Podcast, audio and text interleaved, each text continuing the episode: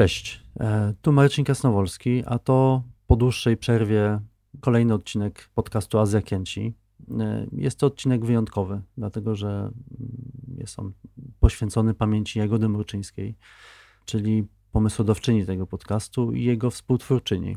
Mm, z Jagodą miałem przywilej i wielką przyjemność tworzyć e, nie tylko podcast, ale także Festiwal Pięć Smaków oraz przyjaźnić się. Jak wiecie, Jagoda odeszła w lutym. Jest to strata bardzo, bardzo głęboka i bolesna w wielu wymiarach. E, zarówno w wymiarze osobistym dla wszystkich, którzy ją znali, dlatego że Jagoda była osobą e, wspaniałą i wyjątkową, ale też zawodowym. Jagoda była znakomitą znawczynią kina azjatyckiego i mocno kształtowała dyskusję o tym kinie w Polsce przede wszystkim jako selekcjonerka e, pięciu smaków, ale także jako autorka znakomitych tekstów, których e, napisała niestety zbyt mało e, i osoba, która miała na koncie setki wystąpień w mediach. Mm, zawsze były to wystąpienia znakomite i merytoryczne. Mm, I w sytuacji, kiedy osób specjalizujących się w tym regionie, w kinematografiach azjatyckich nie ma wiele w Polsce, jest to strata bardzo głęboka. Nigdy nie sądziłem, że, że będę nagrywał taki odcinek. Uważam, że to trudne i niesprawiedliwe i nie powinno się dziać, ale nie mam wątpliwości, że ten odcinek powstać y, musiał, dlatego że jest bardzo ważnym, abyśmy pamiętali o Jagodzie, abyśmy też mówili o tym, co było dla niej istotne, o tym, czego dokonała, e, jak zmieniała się też e, percepcja kina azjatyckiego w Polsce a nawet na świecie przez tę ostatnią dekadę, kiedy Jagoda współtworzyła pięć smaków.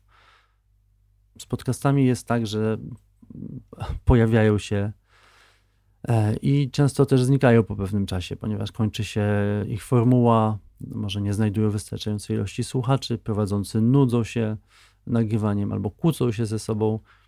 W naszym przypadku mm, zupełnie tak nie było. Mieliśmy z Jagodą e, pomysły na kolejne e, odcinki.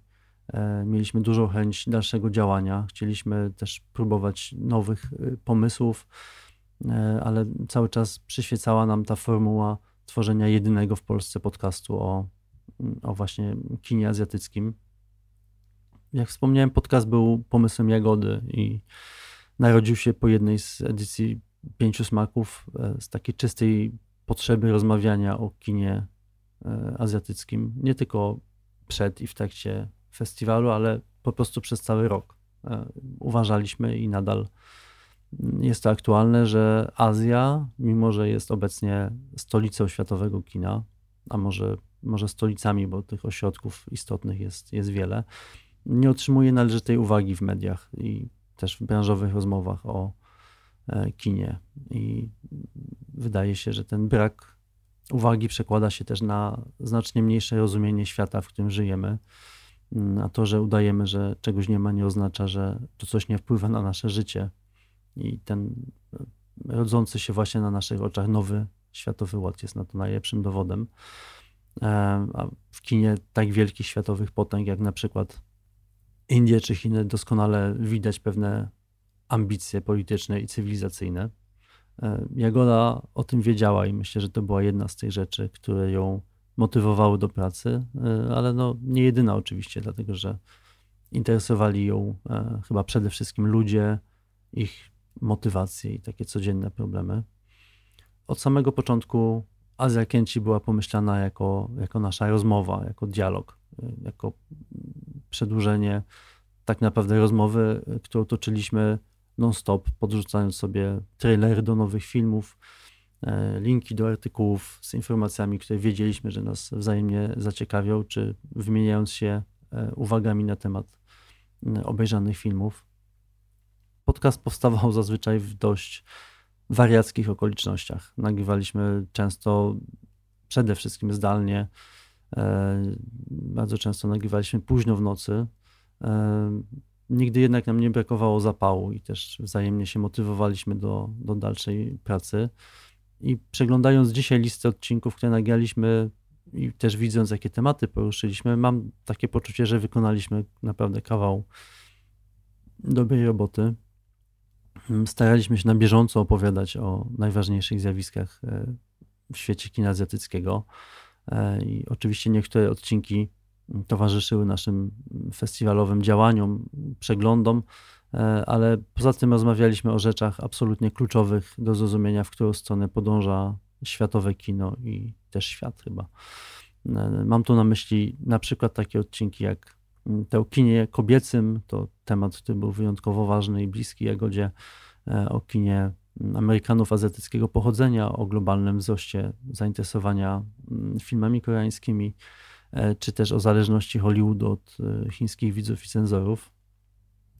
I ponieważ Azja Kęci mm, było dialogiem, dzisiaj też nie zamierzam mówić sam i dlatego, że kiedy wiem, że po drugiej stronie mikrofonu e, nikogo nie ma, to mówienie nie jest ani mm, proste, ani też nie sprawia tak dużej przyjemności. Mm, poprosiłem więc pięć naprawdę wspaniałych i wyjątkowych osób, osób, które znały Jagodę, aby opowiedziały mi nie tylko o niej, ale także o tym, co było dla niej ważne. O kinie azjatyckim, o filmach reżyserek, o festiwalu, a także o tym, czym właściwie jest praca selekcjonera i co oznacza dla filmowców. Chciałbym się więc skupić na Jagodzie jako na programerce, dla której promocja kina azjatyckiego, szczególnie tego tworzonego przez reżyserki, była bardzo ważna. Była taką misją zarówno życiową, jak i zawodową.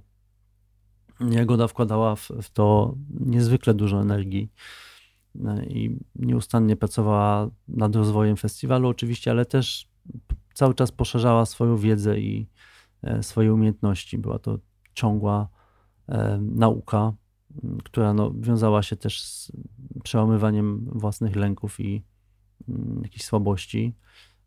Mówię o tym dlatego, że niespodziane i takie dosyć gwałtowne przejście w typ online festiwalu w czasie pandemii sprawiło, że Pięć Smaków znacznie poszerzyło grono swoich odbiorców, dlatego że nie trzeba już było e, jechać do Warszawy, żeby oglądać te azjatyckie filmy. Można to było robić e, w domowym zaciszu w całej Polsce. E, I no, było to niezwykłe też wyzwanie organizacyjne. Musieliśmy się wtedy szybko nauczyć nowych sposobów komunikacji z, z wami, z naszymi widzami. Musieliśmy się nauczyć nowych formatów. Na przykład wszystkie nasze wystąpienia musiały być rejestrowane Mm, przed kamerą, to właśnie wtedy chyba Jagoda zyskała niezwykle liczne grono miłośniczek i miłośników, dlatego że to jej wystąpienia przed kamerą, przede wszystkim prelekcje e, przed filmami były doskonałym uzupełnieniem tych, tych y, projekcji. I myślę, że nie będzie przesadą, jeżeli powiem, że wtedy Jagoda stała się najlepiej rozpoznawalną i ulubioną selekcjonerką w Polsce to, co jest wspaniałe, to to, że Jagoda wiedziała o tym, że te jej wystąpienia odbierane są bardzo pozytywnie i że czuła wsparcie widzów. Mimo, że te wystąpienia nie były dla niej początkowo łatwe, jako że była osobą introwertyczną, to no, zarówno facebookowe komentarze, jak i ankiety przeprowadzane po festiwalu nie pozostawiały wątpliwości, że to właśnie Jagodę e, widzowie cenią najbardziej. Liczę na to, że ten odcinek i te rozmowy, które przeprowadziłem, e, staną się jedną z cegiełek, które zbudują pamięć o Jagodzie i też nie pozwolą nam o niej zapomnieć nigdy. Tych cegiełek będzie znacznie więcej. E, być może wiecie, że w maju e, Kuba Mikurda, partner Jagody, powołał do życia Fundację Jagody Murczyńskiej, która będzie wspierać debiutujące reżyserki i w Radzie Programowej tej fundacji już teraz znajdują się niezwykłe, absolutnie e, osoby, wspaniałe kobiety e, związane z, z kinem i przez to nie mam najmniejszej wątpliwości, że ta fundacja będzie e, prężnie działać i że będzie czymś wspaniałym. Mm, Jagodzie będzie zadedykowana 16, najnowsza edycja, tegoroczna edycja Pięciu Smaków, Będziemy ją też na pewno podczas e, festiwalu wspominać. Pojawił się nawet pomysł wydania naszych poprzednich e, podcastowych rozmów w wersji drukowanej. Zobaczymy, co z tego wyjdzie.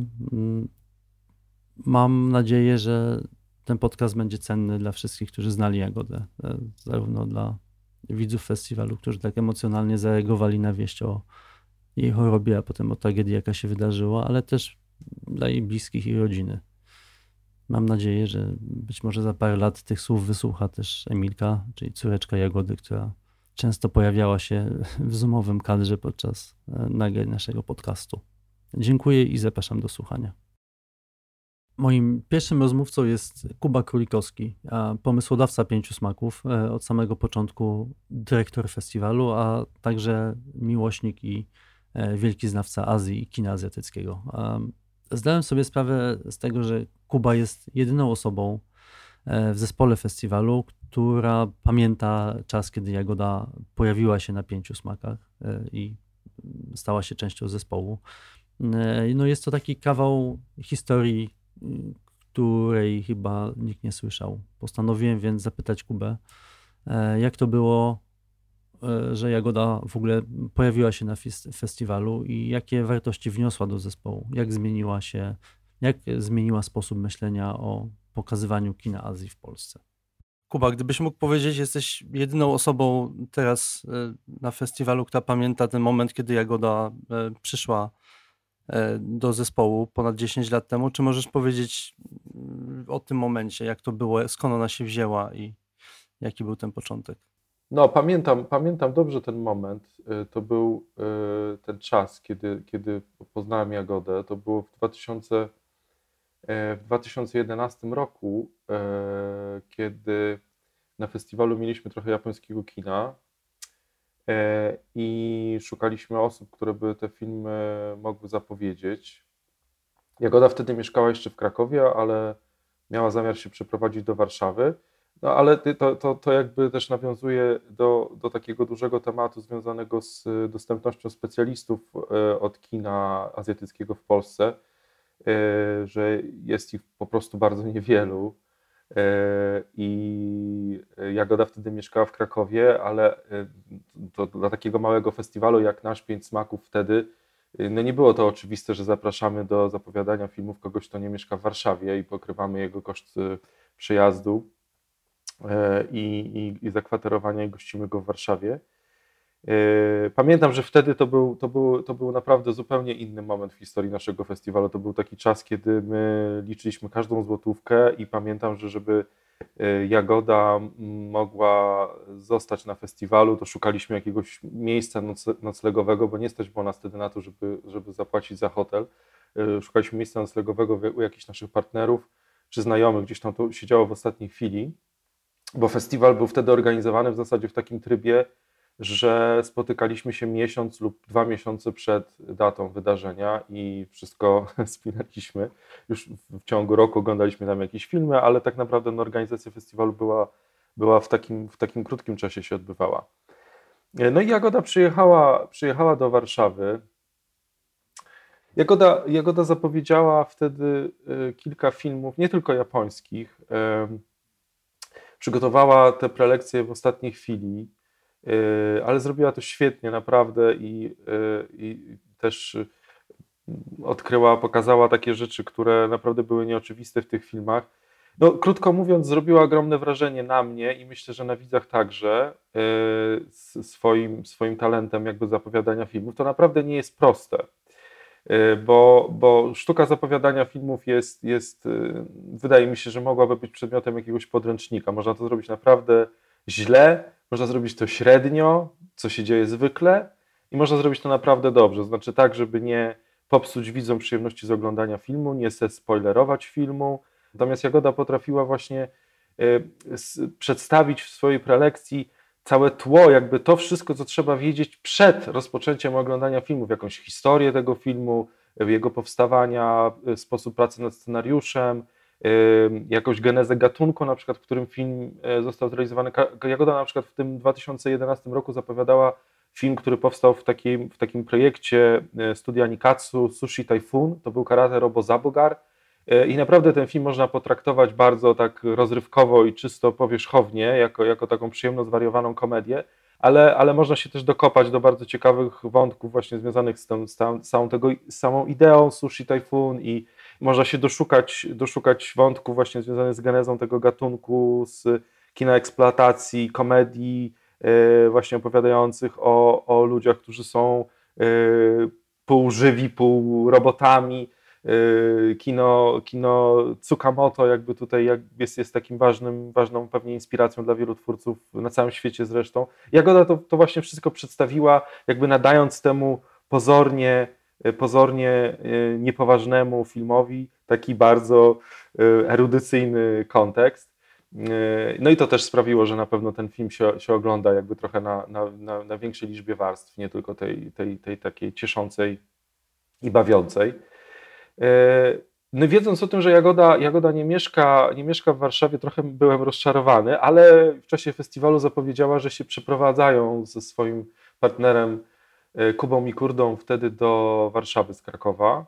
E, no i w styczniu, w styczniu po festiwalu napisałem do niej maila, czy już mieszka w Warszawie i czy chciałaby z nami współpracować jakby na stałe.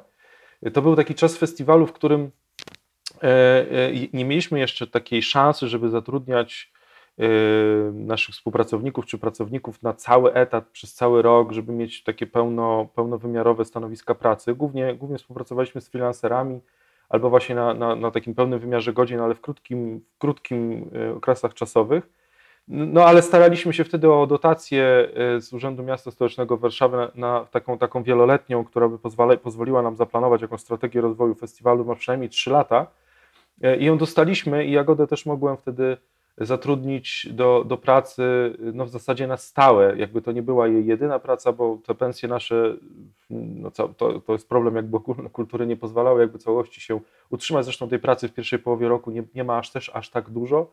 No ale Jagoda jakby można powiedzieć, że weszła do zespołu wtedy y, na stałe.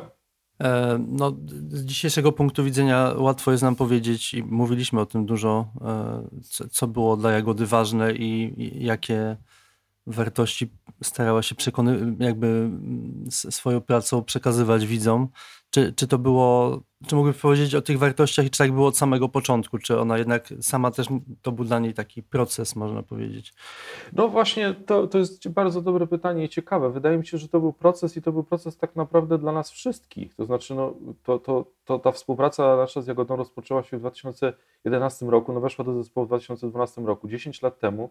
No i to e, no, byliśmy wtedy bardzo młodymi ludźmi e, przed trzydziestką. E, też nasze wartości, wydaje mi się, po studiach dopiero się, no może nie dopiero się, ale już jakoś tam były ukształtowane w ogromnym stopniu, ale jednak te, te takie bardziej, powiedziałbym, no nie wiem, niepopularne wtedy, wtedy postawy związane właśnie z, ze zwracaniem uwagi na parytety, na, na, na inkluzywność, na reprezentację kobiet w programie.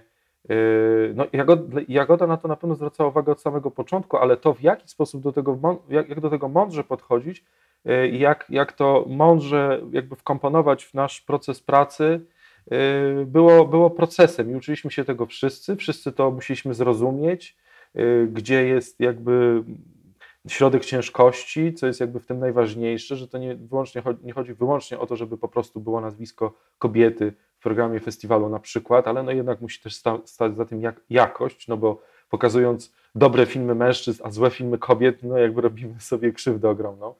E, I, e, i to, to wydaje mi się, że, że, że, no tak, po prostu było, było procesem e, i mm, też takim empirycznym, empirycznym procesem, to znaczy też obserwowaliśmy, jak reagują na, na to widzowie, to są takie decyzje programowe, takie, takie zasady, taka, taki kodeks, jakby, który no, nie, nie, nigdy go nie mm, przedstawialiśmy jakby na, naszym widzom tak na pierwszym planie, znaczy to są takie decyzje, które dzieją się gdzieś tam w tle, podskórnie i byliśmy ciekawi, czy widzowie je zauważają, czy jakoś, może nie nawet świadomie, ale czy, czy doceniają, czy, czy jakoś od, odczuwają to, że, że program jest inkluzywny i, i, i, i, że, że właśnie kobiety są w nim, są w nim e, obecne e, twórczo. Mm, to jest bardzo trudno zbadać i tak naprawdę nigdy tego porządnie tak nie zbadaliśmy, no bo zadać takie pytanie, czy zauważyłeś na przykład w ankietach ewolucyjnych widzowi, czy zauważyłeś, że, że kobiety filmy reżyserek kobiet są w programie, albo czy w ogóle treści feministyczne są obecne w programie, jest takie, że no bardzo od razu prowokuje jakąś odpowiedź.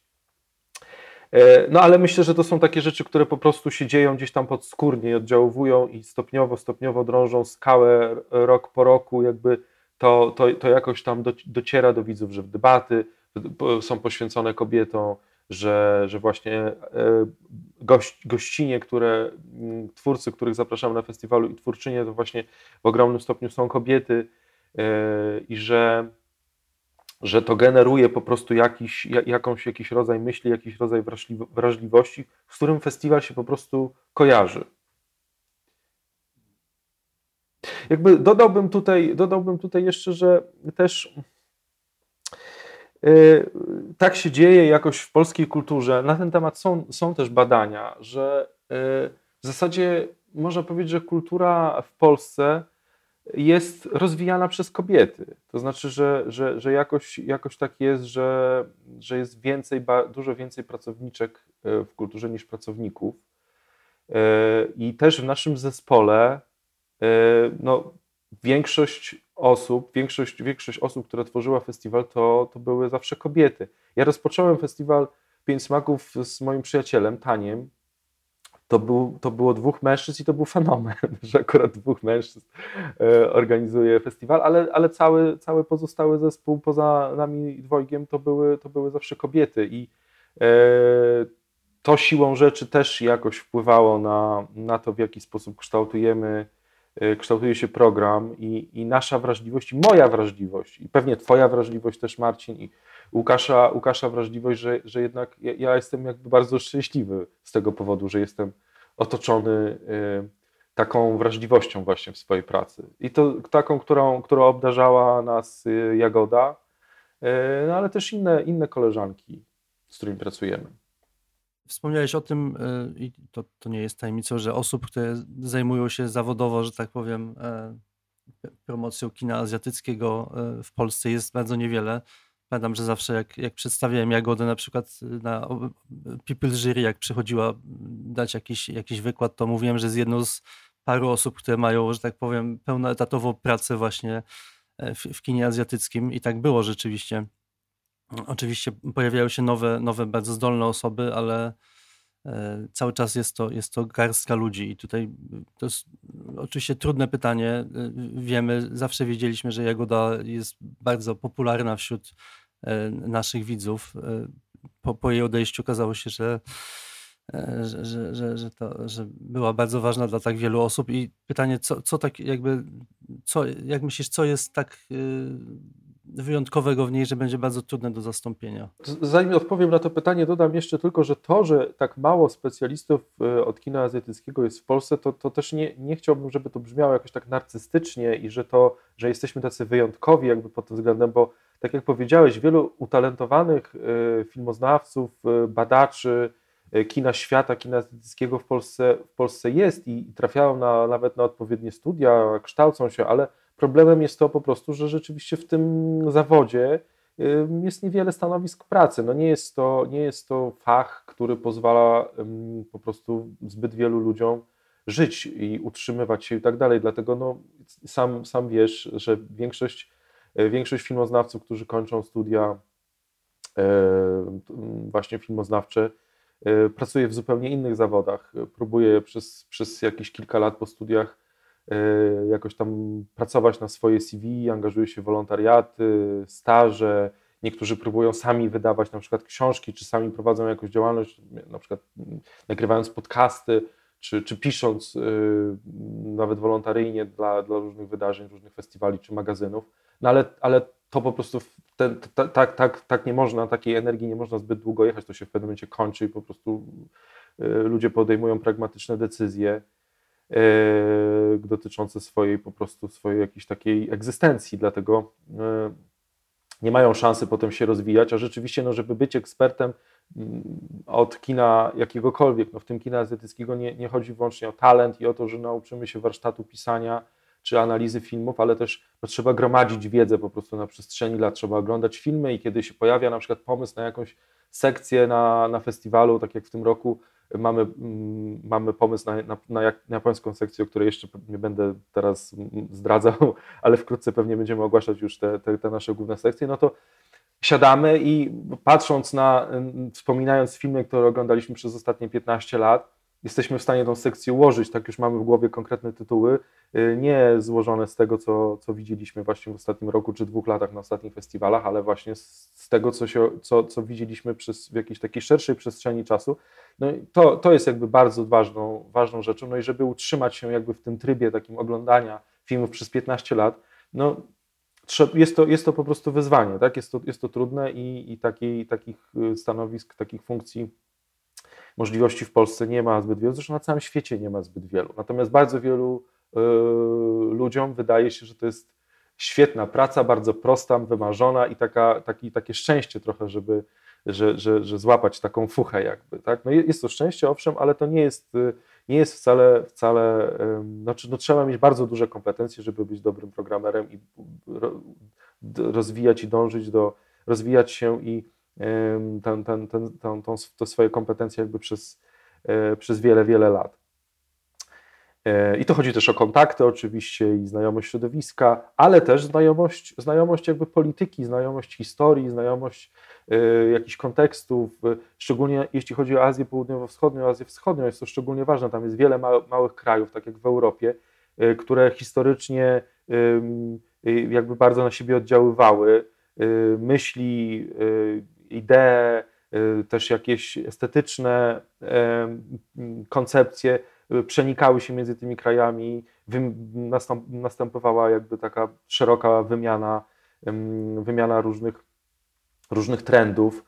Y, były tam też oczywiście wojny i tak dalej, i tak dalej. I to wszystko, wszystko jakby jest ważne, kiedy się mm, na przykład przygotowuje program jakiejś sekcji E, taka, szczególnie takiej, która zahacza jeszcze jakieś, jakieś polityczne czy obyczajowe, e, obyczajowe względy. No a e, odpowiadając na, mm, na Twoje pytanie, co, co, co, jaką, jaką jakby można powiedzieć otchłań czy, czy dziurę zostawiła Jagoda w swoim odejściem w naszym zespole, no no, no, no, no Jagoda miała niezwykle, niezwykle unikalne kompetencje i talenty. No była po prostu wszechstronnie uzdolniona w takim sensie, że dla, dla mnie jako szefa, który organizuje e, festiwal filmowy i dotyka jakby różnych e, działek, różnych części, warstw organizacji festiwalu, no współpraca z, z Jagodą była, była no, trudno sobie wy, wymarzyć lepszego współpracownika, dlatego że Jagoda była i utalentowana, jeśli chodzi o produkcyjne kompetencje, w sensie i była bardzo dobrą organiza organizatorką, była bardzo uporządkowana. E, no i to, to jest jakby bardzo ważne, to jest bardzo ważne, wspominam o tym, bo często mówimy o Jagodzie właśnie przede wszystkim jako tej, która nas onieśmielała swoją, swoją wiedzą, erudycją i swoim, swoim niesamowitym stylem, takim po prostu opowiadania, przedstawiania, wprowadzania, wprowadzania filmów i, i jakby właśnie opisywania ich, ale była też po prostu świetną, świetną organizatorką, bardzo skuteczną, yy, bardzo sumienną, oddaną, zaangażowaną, odpowiedzialną. Więc tego będzie nam bardzo brakowało i osoby tak wszechstronnie uzdolnionej jest naprawdę, yy, to nie, no jest, jest, taką osobę bardzo trudno znaleźć. Zresztą no, jakby tutaj tak, tak wchodząc w trochę w nasz sposób pracy aktualnie, no to, to, tak jak wiesz, podjęliśmy taką decyzję, że nie będziemy szukać osoby, która zastąpi Jagodę, w ogóle nie myślimy jakby w tych kategoriach. Po pierwsze, wydaje mi się, że to jest niemożliwe, po drugie też yy, czujemy, że, że, że jakby nie istnieje, nie, nie, nie jest możliwe jakby taki proces jak zastąpienie Jagody. Także postanowiliśmy też, że nie będziemy rozbudowywać w tym roku yy, zespołu, że staramy się po prostu, może zrobimy mniej, dużo mniej na festiwalu w ciągu roku, ale że chcemy zrobić to tym, tym, tymi kompetencjami, tymi współpracownikami i pracownikami, którzy po prostu e, są w zespole i byli w zespole. E, jako też jakiś taki rodzaj naszego no, procesu po prostu po, w, tej, w, tej, w tej żałobie, który, którym potrzebujemy pewnie być jakoś bliżej i razem i zrobić, zrobić coś jakby dedykowanego Jagodzie właśnie w tymi, tym sumptem. No a, y, a, a jeśli chodzi o, o to, z, z czego, czego, nam, czego nam będzie najbardziej brakowało y, przy, przy tworzeniu festiwalu, no to, no to, to, to, o czym już pewnie wszyscy sobie powiedzieliśmy, no będzie nam bardzo brakowało tego, tego talentu do zapowiadania filmów takim ciepłym, płynnym, płynnym głosem, który, który czaruje i który sprawia, że po prostu y, kiedy widzowie oglądają, przeglądają nasz program na przykład na stronie i odsłuchają zapowiedzi, to po prostu mają ochotę obejrzeć ten film i, i niczego jakby nie, nie, nie, nie, tracą jakby jeśli chodzi o wiedzę, na, na, na przykład na, jeśli chodzi o całą fabułę filmu, ale właśnie są, są jakby tacy nakręceni na, i ciekawi tego, co tam się dzieje na tym ekranie, kiedy włączy się play. No i te, te opisy Jagody filmów, które ona przygotowała, no, przygotowywała były po prostu perfekcyjne. Ona się oczywiście też rozwijała i wiele nauczyła od czasu, kiedy mm, przygotowywała swoje pierwsze opisy do filmów na festiwal. No ale, ale, ale te, te aktualne, ja zawsze oczywiście patrzę na nie i szczytuję i, i tak jakby rzucam okiem, no ale od wielu lat jakby ja, ja absolutnie jakby w to nie ingerowałem i to, co, co Jagoda y, napisała, to, to zawsze miałem takie o, wow, po prostu jak, jak, ona to, jak ona to wyczuła, jak ona to świetnie, świetnie jakby o, o, ujęła w słowa, w polskie słowa. No także to będzie, to będzie bez tego jest nam, jest nam już, już bardzo trudno i y, jestem pewien, że widzowie to też odczują niestety, że, że, te, że te nasze opisy są może trochę y, inne. No nie wiem, czy gorsze, no będą po prostu inne, no bo całe szczęście, że pracujemy naprawdę z, ze wspaniałymi, wspaniałymi ludźmi i wszystkie, wszystkie osoby, które piszą i wprowadzają program i opracowywują program są bardzo utalentowane i każdy ma swój styl, każdy jest tutaj osobowością, która, która ma swoje takie bardzo jaskrawe cechy i swój styl i to jest wspaniałe, yy, ale rzeczywiście chyba ten styl Jagody był najbardziej adorowany przez naszych widzów, bez wątpienia. Moimi kolejnymi rozmówcami jest e, trójka artystów e, z Azji, których Jagoda osobiście bardzo ceniła i z którymi spotkała się i rozmawiała podczas pięciu smaków w Warszawie. Mm, zazwyczaj jest tak, że staramy się o rozmowy z, z twórcami filmowymi e, po to, aby rozmawiać o, o ich pracy twórczej, o ich filmach. No, pomyślałem jednak, że nagranie tego podcastu to dobry moment, żeby trochę odwrócić sytuację i porozmawiać z nimi tym razem nie o ich najnowszych filmach, chociaż akurat w ich przypadku jest zdecydowanie o czym rozmawiać, ale o wspomnieniu Jagody i też o tym, co dla nich znaczą festiwale i kim dla nich są selekcjonerzy. Mm, bardzo się cieszę, że żadna z osób, które zaprosiłem do, do nagrania, nie odmówiła mi, mimo bardzo napiętego grafiku, znalazły czas, aby, aby ze mną porozmawiać o Jagodzie. Moją pierwszą rozmówczynią jest e, Molly Surya, indonezyjska reżyserka, o której świat e, usłyszał, kiedy jej trzeci film e, trafił do programu festiwalu w Cannes.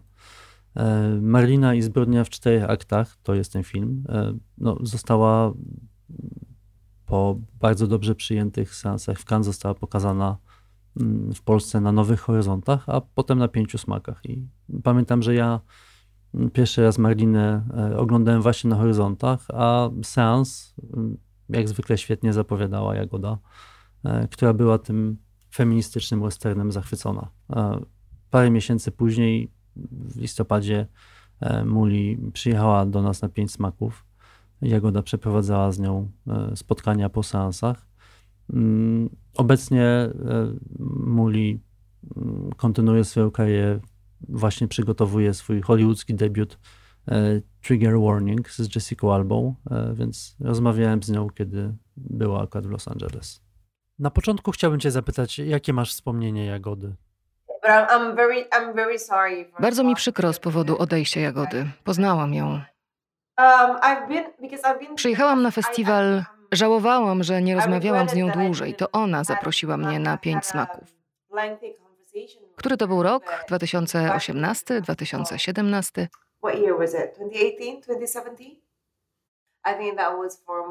Przyjechałam z Marliną zbrodnią w czterech aktach. Było bardzo zimno, więc nie wychodziłam za dużo na zewnątrz. Nie wychodziłam z pokoju hotelowego, ale pojechałyśmy razem do łódzkiej szkoły filmowej i to było wspaniałe doświadczenie. Pamiętam ją jako osobę, która ofiarowała mi to doświadczenie.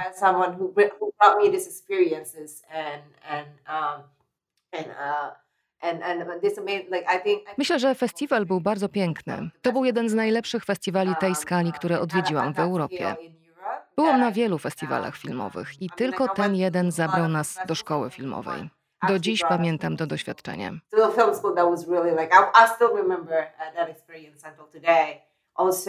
Także to, że publiczność była wspaniała, seans niesamowity, bardzo dobrze wspominam tę wizytę.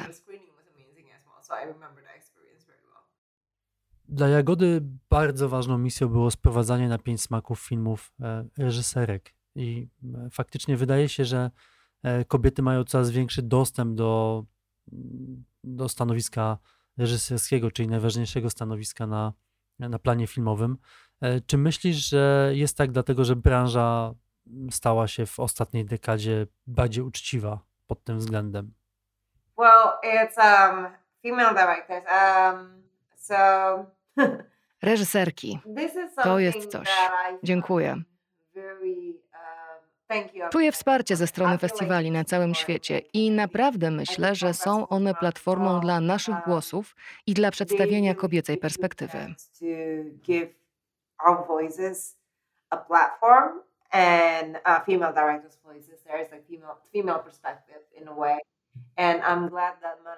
Cieszę się, że Marlina mogła dotrzeć do odbiorców, do których nie udało się dotrzeć moim poprzednim filmom. Ale co do przemysłu filmowego w ostatnich latach, to nie wiem. Zmienia się pod względem deklaracji. Tak, zmieniła się deklaracja, ale czy rzeczywiście przemysł zmienił się w swojej istocie? Może potrzebuje jeszcze trochę więcej czasu. Tak, dostajemy więcej szans, bo zmieniła się deklaracja. To jest tak. Brak kobiecych głosów i kobiecej perspektywy w kinie to problem stuletni, a nie dziesięcioletni. To kwestia tego, jakie było społeczeństwo, jak kobiety były wychowywane w rodzinie, a także w społeczeństwie, jakie było nasze miejsce w społeczeństwie. Kino jest tego wynikiem.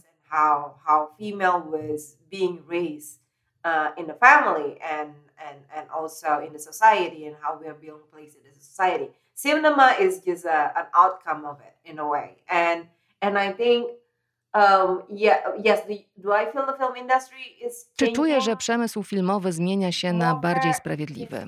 Tak, zmienia się, ale główny problem nadal istnieje, ponieważ my wciąż tu jesteśmy, bo to jest coś, co uzdrowić może następne pokolenie. To się wydarzy krok po kroku. Pokonywanie tych małych kroków jest naprawdę ważne.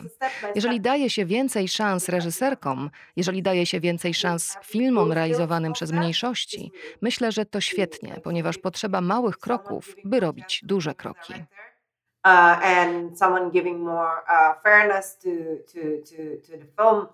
uh, you know, uh, um, um, minority voices, I think, I think it will be great because it is as it is small it's, it's one small step thing to, to get a big step, if that makes sense. Czy jako reżyserka czujesz wsparcie innych kobiet z branży? Mam na myśli inne reżyserki, e, ale też na przykład producentki, e, a nawet selekcjonerki festiwalowe. Well, yeah, and this is a this is a very interesting question. To jest bardzo ciekawe pytanie. Nigdy wcześniej nikt mi go nie zadał, co jest ciekawe, bo często o tym myślę. Um, An uh, because I thought about it all the time. and, um, Większość z nas, kobiet robiących filmy w Indonezji, zazwyczaj jeździ też na festiwale. Więc patrząc na to z międzynarodowego punktu widzenia, to jakby to powiedzieć, to nie jest prawdziwy obraz. Wszystkie kobiety filmowcy z Indonezji podróżują, więc widzisz ich trochę na festiwalach. Ale w Indonezji większość reżyserów to mężczyźni. It's kind of um, um, um, a little bit what's the word? Um, it's kind of uh, it's not true like it is it is just it's just a it's just a facade like it is just oh okay no the, the female filmmakers that was in Indonesia all of them travel. So you see like there are a few of them. But back in Indonesia most of them are just men. Like so, so that's just a, it's, a, it's just like how we see uh, Hollywood filmmaking as well. Tak samo patrzymy na Hollywood. Znamy szereg kobiet filmowców z Hollywoodu, z Ameryki, ale kiedy faktycznie jedziesz tam i robisz filmy w Hollywood, to nie jest ich tak wiele. Większość kobiet, które tam są, wypowiada się w mediach, więc wiemy o nich. Więc to nieprawda. To tylko fasada, widok z zewnątrz.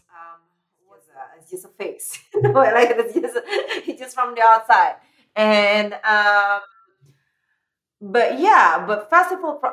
Myślę, że największe wsparcie otrzymujemy tak naprawdę od programerek festiwali, od koproducentek i od widzek z zagranicy. Jeżeli mam ocenić, którego wsparcia od kobiet potrzebuję najbardziej w mojej pracy, powiedziałabym, że tego od programerek festiwali, takich jak Jagoda czy Sabrina z Udine Far East Film Festival i od wielu innych.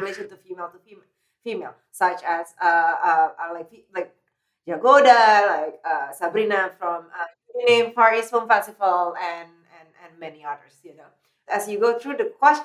Idąc dalej, scenarzystki, oczywiście, ponieważ razem pracujemy, kobiety reżyserki, z powodu bardzo niewielu szans, jakie dostajemy, ludzie, społeczeństwo stawiają nas przeciwko sobie. To nie jest fajne. Społeczeństwo, ludzie wokół zmuszają nas do konkurencji, mimo że nie jesteśmy przeciwko sobie. Wynika to z matematyki, z braku możliwości pracy dla reżyserek.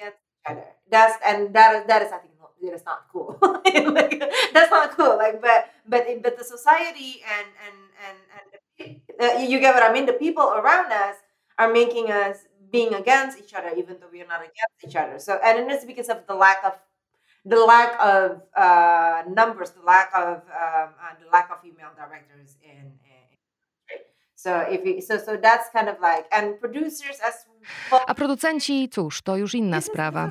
Właściwie tylko raz pracowałam z kobietą producentką. Nie sądzę, żebym miała wystarczające doświadczenie, aby coś na ten temat powiedzieć, ale myślę, że to właśnie producenci są najważniejsi, aby być wsparciem dla reżyserek. Niektórzy są bardzo pomocni, inni mniej.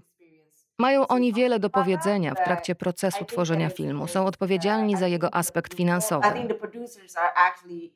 Uh, the one who are the most important to become supportive to female directors, and uh, and some some are being very supportive, and uh, some maybe not, like just trying to make because I think they have a lot of in their hands um, uh, how to make a film and and and basically to to to to uh, be responsible with the uh, with the business part of it. Jeśli chodzi o kobiecą perspektywę, to jest to, czy filmy kręcone przez kobiety zarabiają pieniądze, czy zarabiają tyle samo, co filmy reżyserów. To jest główny problem, na który, jak sądzę, nie ma jeszcze odpowiedzi. Na przykład filmy Marvela. Mówimy o tym, że Eternals robią kasę, ale mówimy, że to nie jest wystarczający zysk. To kwestia perspektywy, bo to ogromna produkcja, ale czy przyniosła wystarczająco duży przychód? Albo takie Ptaki Nocy, również zrealizowane przez reżyserkę. Ten film dostał mniej uwagi. Czy widzowie naprawdę nie lubią kobiecych bohaterek akcji, kobiecych superbohaterek? Czy naprawdę im się to nie podoba? To jest bardzo ciekawe pytanie. Go like do, do they really doesn't like that? That's that's the kind of question that I think very interesting. So. Jeżeli chodzi o Marlinę, to jedna z rzeczy, które zawsze mówię ludziom o tym filmie, rzecz, z której jestem najbardziej dumna, uh, Marlina próbuje opowiedzieć o tym, jak kobiety się wzajemnie wspierają i myślę, że to jest wspaniałe. Sądzę też, że jest to szczere, patrząc na to, jak Nowi i Marlina. Marlina oczywiście straciła dziecko, jest bezdzietna, a potem spotyka przyjaciółkę, która promienieje szczęściem. Okazuje radość z tego, że jest w ciąży. Tak, w ciąży i jest zakochana w swoim mężu. Więc jest tam zazdrość i myślę, że to jest coś, co jest bardzo prawdziwe w odniesieniu do większości kobiet. Być zazdrosną i mieć w sobie tę niepewność ale umiejętność wzajemnego wspierania się pomimo tego jest tym, co jest niesamowite w ich relacji. It is something that is very realistic uh, amongst women uh, to have to have that, to have envy, insecurity, um, um, and and but then to be able to support each other in the end, in spite of that, is I think what was what was amazing about the relationship. Jaki byłby efekt jeszcze silniejszej reprezentacji kobiet w roli reżyserek w kinie światowym? I think the result will be co oglądałam, gdy byłam dzieckiem? Oglądałam Kopciuszka, oglądałam Piękną i Bestię, miałam księżniczki Disneya. Każda kobieta, każda mała dziewczynka będzie miała te księżniczki. Będzie marzyć o tym, żeby się zakochać od pierwszego wejrzenia. W jej głowie będzie ten wzór, wzór społeczny, że życie tak powinno się ułożyć dla kobiety. A jeżeli masz reprezentację kobiet reżyserek, może kobieca bohaterka akcji nie będzie musiała być seksowna, nie będzie musiała walczyć półnaga. Wiesz o co mi chodzi.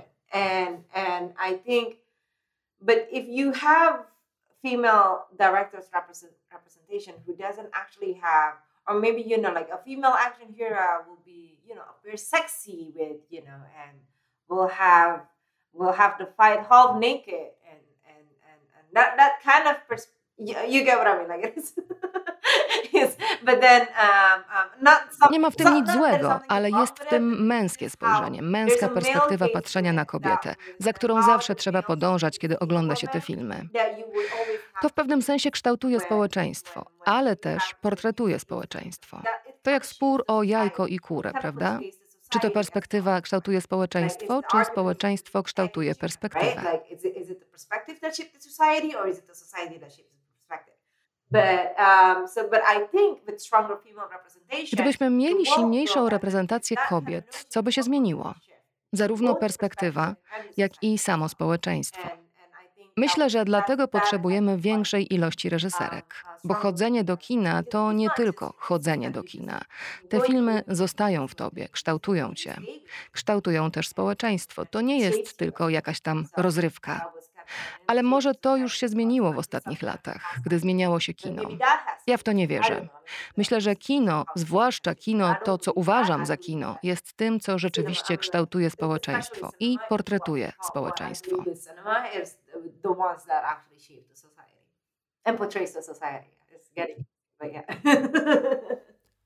Na koniec chciałbym Cię zapytać, jaka jest według Ciebie rola selekcjonera festiwalowego? Kim są ci ludzie, którzy wybierają filmy na festiwale? Rolą selekcjonera jest dostarczenie filmów, ponieważ w przeciwnym razie pewne filmy Oto co się dzieje. Kiedy nie ma selekcjonerów, nie ma kuratorów, oglądasz przypadkowe rzeczy, przypadkowe filmy w telewizji. Nie znasz ich kontekstu, nie dostajesz pewnej ramy, jak odbierać te filmy, jak odbierać dzieła sztuki. well, the role of the programmer, I think, is to deliver these films because otherwise films like that like like what i said like what um the, the the the lack the lack of festivals i would say this is some what happened if we don't have festival programmers you don't have creators. Then you would see random stuff um ran, like it's like random random stuff on television that you have that you don't know that you don't know the perspective on it you don't you don't you don't give it a, some kind of a framing to how to view these films, how to view this artwork. So, and not, I don't know. I mean, like? Dlaczego to jest dobre, że film dostaje się na festiwal? Bo jesteś kuratorowana, bo wtedy twój film może być oglądany w pewnych ramach, które zostały stworzone przez festiwal. To tak jak kiedy oglądasz sztukę na przykład w Louvre czy Galerii Sztuki. Widzisz ją w ramach, widzisz ją we właściwy sposób, w taki, w jaki miała być oglądana. Może nie aż tak, ale w jeden z najlepszych sposobów na zobaczenie jej. Więc w pewnym sensie myślę, że to niedoceniona, ale bardzo ważna rola, ponieważ to jest ostateczny most most pomiędzy tobą, twórczynią, a publicznością. I myślę, że to jest naprawdę ważne, aby dać kontekst, aby dać te ramy, zwłaszcza dla filmów takich jak, jak oglądasz na przykład Spidermana, jak oglądasz te wszystkie ogromne filmy, które są maszynkami do robienia pieniędzy, nie potrzebujesz żadnego mostu. Ale dla pewnych filmów, szczególnie tych z Azji Południowo-Wschodniej, naprawdę ważne jest, żeby ten most istniał, żeby te ramy istniały. To jest to coś, czego zarówno filmowcy, jak i widzowie nie wiedzą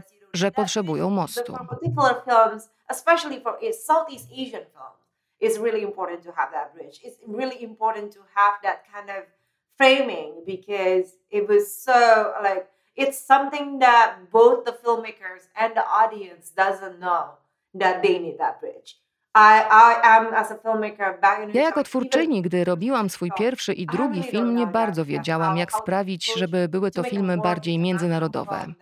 Bo to jest naprawdę inna perspektywa, perspektywa kulturowa, która pozwala umieścić europejską publiczność w kinie. I zupełnie inna perspektywa kulturowa, co filmowiec robi ze swoim filmem. Myślę, że programerzy festiwalowi są tym pomostem. W przeciwnym razie filmy miałyby kłopot, zostałyby. Mój film pozostałby w Indonezji, a publiczność oglądałaby tylko zachodnie filmy. Moją kolejną rozmówczynią jest Dechen Roden, e, przedstawicielka e, młodej kinematografii butańskiej i reżyserka Miodu dla Dakini.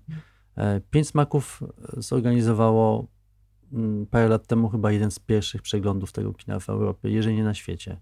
E, przegląd ten został e, przyjęty e, z bardzo dużym entuzjazmem widowni i było to także wydarzenie ważne dla mm, filmowców właśnie z Butanu, którzy przyjechali wtedy do Warszawy. Mm, rozmawiam więc z Deczen nie tylko o Jagodzie, ale także o tym, co dla tak długo izolowanej kinematografii oznaczają festiwale filmowe i ludzie, którzy wybierają filmy do programu festiwali. Na początku chciałbym Cię zapytać o Twoje wspomnienie Jagody. Jak ją zapamiętałaś? Uh, yes, um, I remember her. Uh, tak, oczywiście wspominam ją bardzo miło. Pamiętam jej różowe włosy. Uh, Kiedy się spotkałyśmy, to była jedna z pierwszych rzeczy, które bardzo mi się w niej spodobały. Pamiętam, że była pełna wdzięku i miała niezwykłą wiedzę o filmach, o naszych um, filmach. Zawsze będę pamiętać to, jak doceniała mój film. Such a grace she had and such a um, insight into into into film and into our films at least. Um, and I remember always, I mean, I will always remember the way she um, uh, appreciated my film, and uh, you know, because of course it is my film. So I remember um, when I first met her. Of course, we had Oczywiście najpierw poznałyśmy się mailowo, um, dyskutowałyśmy o festiwalu i o filmie, a kiedy spotkałam ją osobiście, poczułam jej um, wnikliwość i głębię, uh, kiedy mówiła o kinie. Byłam na wielu festiwalach i w jej przypadku czułam, że jest selekcjonerką, która zagląda nie tylko w duszę filmu, ale także w duszę uh, twórcy. Czułam to uznanie, które miała dla mojego filmu i takie szerokie spojrzenie na kino. Będę o uh, niej długo pamiętać. Um, and somehow that appreciation she had uh, for the film and just this broad vision about about cinema. Um, yeah, so I, I mean, I would will remember a lot about her. Reprezentujesz przemysł filmowy, który jest bardzo szczególny, jest wciąż młody i e, dosyć mały. E, myślę, że świat w dużej mierze dowiaduje się o Butanie właśnie poprzez filmy, które są pokazywane na festiwalach filmowych. Jaka jest według Ciebie rola e, festiwali filmowych? Um, uh, Festiwale filmowe są bardzo ważne dla filmów, zwłaszcza z takich krajów jak Bhutan, gdzie uh, mamy małą produkcję i skąd wyjeżdża niewiele filmów. Zawsze czułam jako reżyserka, kiedy zaczęłam robić filmy, że festiwale są właściwie najważniejsze, jeśli chodzi o drogę filmu, ponieważ tam są pokazywane po raz uh, pierwszy, otrzymują swoją pierwszą publiczność. That film festivals are actually the most important uh, you know, as far as the film's journey goes, because not only is that the um, first time where it's uh, launched, uh, but it's also the first audience, um, and it's the first platform where it's launched Festiwale, przynajmniej te, na których byłam, także uh, Pięć Smaków, zawsze aktywnie szukają sposobów, aby Twój film dotarł jeszcze dalej. Nie um, chodzi tylko o to, że programują filmy i uh, pokazują je. Festiwale budują dla publiczności całą narrację wokół naszych filmów, dla dalszej widoczności, dla dalszej drogi.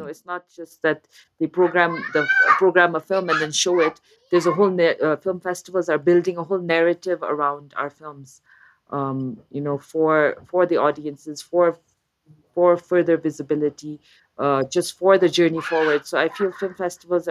Festiwale są właściwie najważniejszym uh, krokiem, zwłaszcza dla filmów z Butanu, bo niewiele osób wie o naszym kinie. Festiwale uh, tworzą narrację o kinie z Butanu.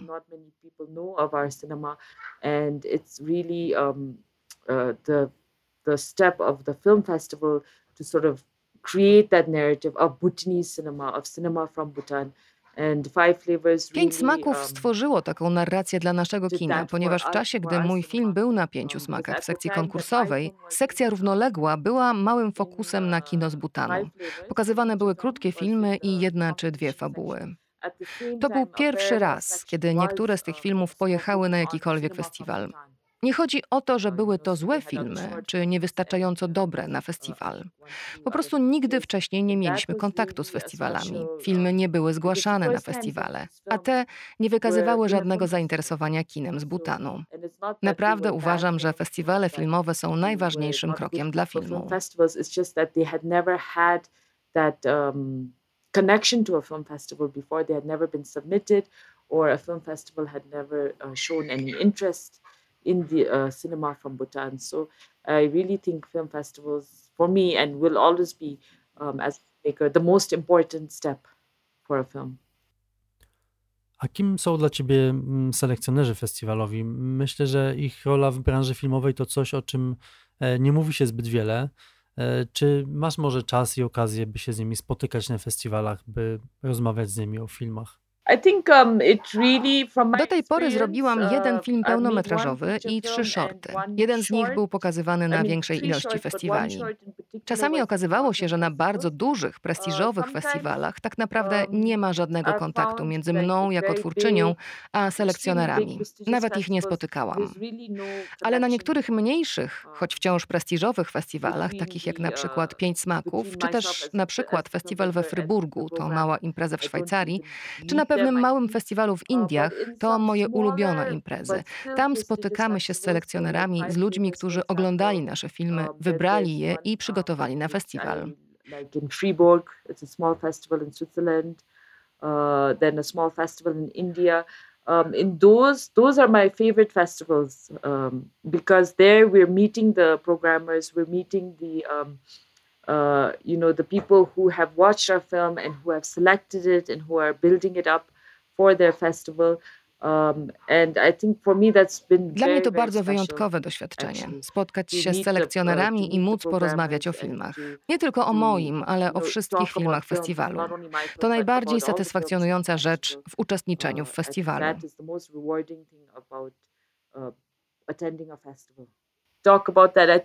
Myślę, że Pięć Smaków było bardzo wyjątkowe, ponieważ spotkaliśmy um, Jagodę i Jakuba nie tylko podczas jednego wydarzenia, jednej rozmowy. To było kilka dni poznawania się, spędzenia czasu ze sobą. Pamiętam, że jedliśmy wspólnie i to nie raz z Jagodą. Getting to know each other, spending time with each other. I remember having a meal, a few meals with Jagoda. Um, nie w ramach konkretnego wydarzenia, ale po prostu wychodziliśmy wspólnie, coś zjeść i sobie rozmawialiśmy.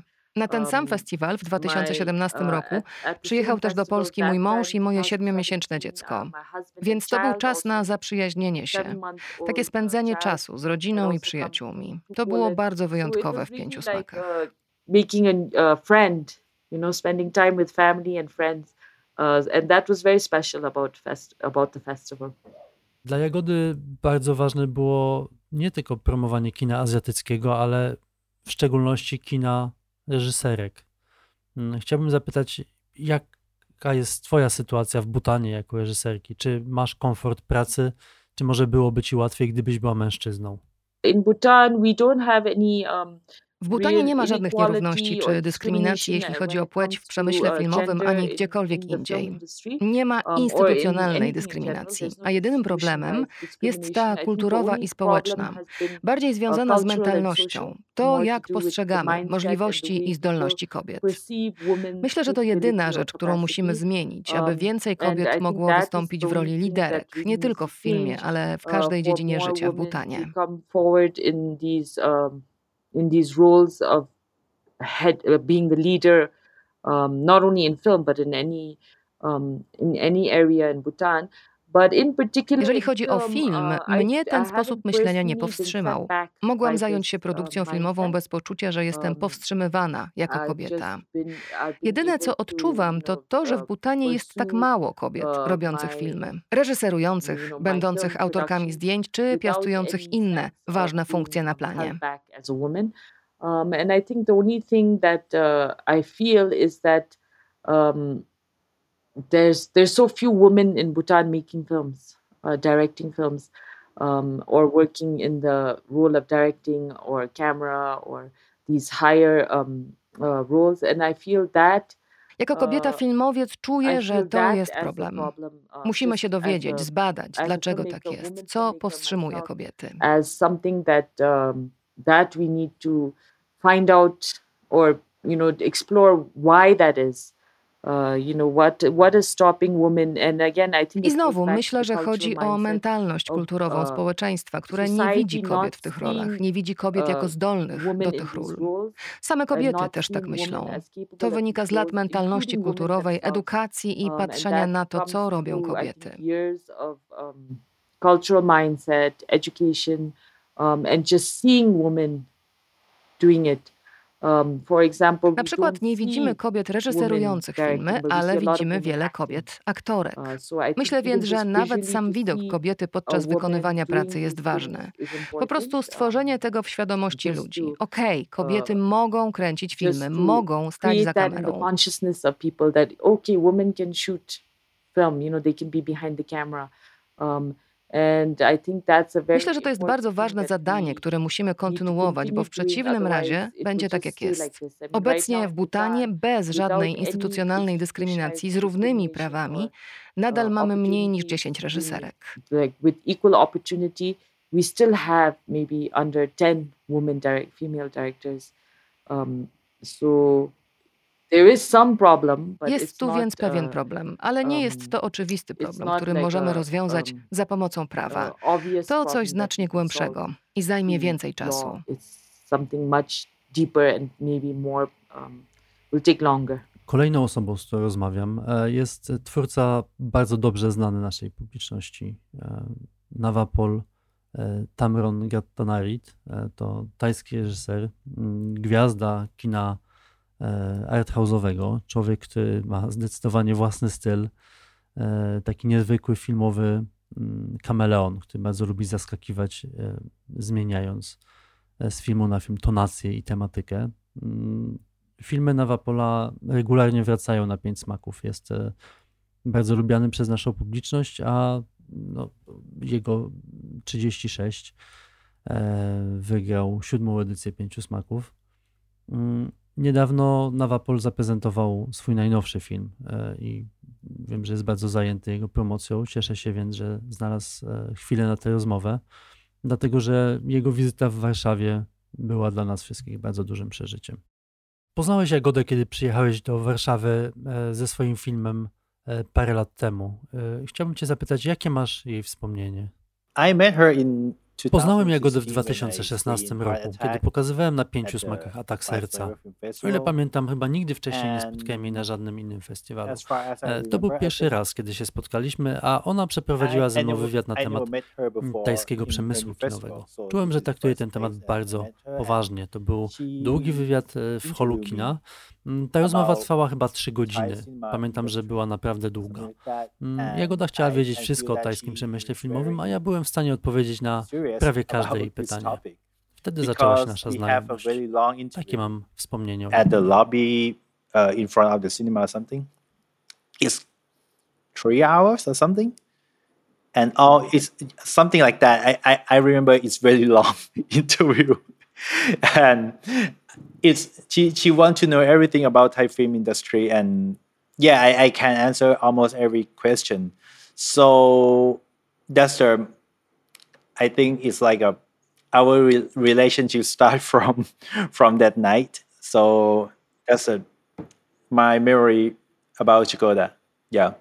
Dla Jagody promowanie kina azjatyckiego było misją zarówno życiową, jak i zawodową i realizowała ją głównie poprzez pracę na pięciu smakach. Chciałbym zapytać, czym dla Ciebie są, jako dla przedstawiciela tajskiego kina artystycznego, festiwale filmowe? Let me think about it. Muszę pomyśleć. E, myślę, że czasami, kiedy robimy filmy artystyczne w naszym kraju, czyli w Tajlandii, e, jest tu naprawdę ograniczona publiczność, ale jednocześnie myślimy sobie, że gdzieś tam na świecie jest więcej ludzi, e, którzy chcą pokazywać nasze prace. Festiwal filmowy jest jak most, łączący naszą pracę z publicznościami. Mm, nie mamy pieniędzy ani możliwości, by samodzielnie eksportować nasze filmy i musimy czekać właśnie na festiwale filmowe, by to one dostarczyły E, te filmy do ludzi w różnych miejscach. Nawet jeżeli mamy YouTube czy media społecznościowe, to myślę, że to zupełnie inne uczucie, kiedy przywozimy nasze filmy do kin, na przykład w Polsce czy w Europie. Możemy spotkać się z publicznością, możemy spotkać się z selekcjonerami, odbywa się dyskusja. E, jest to coś więcej niż tylko projekcja. To nie jest tak, hej, to jest mój film i tyle. O nie. Poznajemy ludzi, poznajemy publiczność, e, dzielimy się różnicami kulturowymi, prowadzimy rozmowy, nawiązujemy przyjaźnie, e, a czasami festiwal filmowy prowadzi mnie do kolejnego filmu, do kolejnego projektu, ponieważ spotykam tam odpowiednich ludzi. Mm, myślę więc, że festiwal to takie drzwi dla naszej pracy. Drzwi, żeby znaleźć odpowiednią osobę dla filmu. Mm, dla mnie to super jest spotkać się z publicznością, ale ważne jest także, żeby spotkać ludzi, którzy rozumieją moją pracę, no, bo być może będę mógł z nimi współpracować w przyszłości. cultural difference. We have a talk, we have a friends, and sometimes that from one film festival leads me to another another film, another next project because we meet the right people at the film festival. So I think it's like um the door for our work to find the right person for our film, something like that. To to me, it's like it's, it's good to meet the audience, but more than that is like a, meet the people who understand our work and maybe we can collaborate in the future. Yeah. E, czy bardziej oddaną publiczność e, masz w Tajlandii, e, czy może kiedy jeździsz na festiwale po całym świecie? Dla kogo właściwie robisz swoje filmy? Nie myślę o tym, kiedy biorę się za robienie e, filmu. Chcę po prostu opowiedzieć historię, którą chcę opowiedzieć. E, ale jeżeli chodzi o Twoje pytanie, e, to czasami jakiś projekt jest bardzo popularny w kraju i mniej się podoba międzynarodowej publiczności, a kolejny trafia do publiczności międzynarodowej, a Tajowie nie do końca go rozumieją. Więc to wszystko zależy od projektu. 10 mm, lat temu mogłem sobie myśleć, że moja publiczność to wyłącznie Tajowie ale teraz myślę, że moja publiczność e, znajduje się na całym świecie. Więc kiedy robię film, chcę po prostu znaleźć e, tą odpowiednią publiczność, bo nowy film to nowa historia i czasami nie wiem, kto jest jej odbiorcą. E, robię więc wszystko, co w mojej mocy, aby pokazać film w Tajlandii i jeżdżę z nim także po całym świecie, aby znaleźć tą publiczność. Jest tak, że kiedy pracujesz nad filmem, spędzasz z nim dużo czasu. Czasem e, jest więc jak nasze dziecko. E, kiedy zaczynam pokazywać ten film, to tak jakbym posłał e, to dziecko do przedszkola czy do szkoły. I mam nadzieję, że znajdzie ono tam przyjaciół. And sometimes I don't know who is the audience of this story. So I I try my best to show to show it in Thailand and I try to bring my film to all around the world to find the right audience for the project. Because sometimes it's like you know when you work on the project you spend a long time for it. It's like uh, our baby sometimes. When when i screen that film it's like you send your kids to the kindergarten school and you hope that he or she can find some friends you know? I wiem, że mój film nie jest dla wszystkich, ale chcę znaleźć wystarczającą liczbę widzów, aby dać inwestorom pewność, że ten rodzaj filmu ma swoją własną ścieżkę i może uda mi się zrobić następny projekt. Find the right audience for the project and find the enough find the enough audience to make the make a make a confidence for investor or something. A jaka jest e, rola selekcjonerów festiwalowych w procesie pokazywania Twoich kolejnych dzieci światu. Kim dla Ciebie są selekcjonerzy? To me, programmer is like um, mystery person. Dla mnie selekcjonerzy to hmm, tajemnicze osoby. No nie wiem, wiesz, czasami jak już mówiłem, kiedy kończę film, nie wiem komu się spodoba. To selekcjoner jest tym, który pokazuje moją pracę światu. Ale czasami, na przykład w przypadku mojego nowego filmu, nie wiem, kto jest tą osobą. Znam wielu selekcjonerów, ale nie wiem, któremu spodoba się moja nowa praca. To jest dosyć abstrakcyjne. Znasz selekcjonerów, ale nie wiesz, kto wybrał ten konkretny film. E, więc dla mnie za każdym razem są to tajemniczy ludzie. Zawsze mam nadzieję, że mój film im się spodoba, bo jeżeli spodoba się wielu selekcjonerom, to może trafić w wiele miejsc. E, nie chcę powiedzieć, że są strażnikami czy coś w tym stylu. E, wszyscy są moimi przyjaciółmi, ale każdy przyjaciel ma swój własny gust. Ja nie zawsze wiem, jaki to gust. for this film. So to me, it's like they are kind of mystery person to me for every new project. So, and but in my mind, I hope they, they like my work because if many programmers like my work, the film can travel to many places. So I don't want I I I don't want to say they are gatekeeper or something, but you know, they are all my friends. But I know every each friend they have their own taste or something like that. So sometimes we don't know. Pamiętam, że kiedy zaczynaliśmy robić z Jagodą podcast, e, zaczęła się pandemia i wszystko się zmieniło i był to e, bardzo dobry czas dla platform streamingowych. E, czy obserwujesz, jak streaming zmienia Twoją branżę filmową i czy myślisz, że w przyszłości festiwale filmowe nie będą już w ogóle potrzebne? Uh, maybe no, but Yeah, Może Netflix nie, ale tak. Netflix zmienił krajobraz oglądania filmów. Nie wiem, jak jest w Polsce, ale w Tajlandii nastąpiła dość uh, krytyczna zmiana, e, bo tajska publiczność płaci teraz za bilety e, tylko na duże filmy typu Doctor Strange albo bardzo małe filmy, na przykład dzieła Pichat Ponga. W przypadku filmów średniobudżetowych, takich jak moje, zwykle czekają na Netflixa. to jest 90-dniowe oczekiwanie na film, zanim trafi skin e, na Netflixa. Mm, widzowie więc podejmują decyzję, że zapłacą tylko za ten film wysokobudżetowy.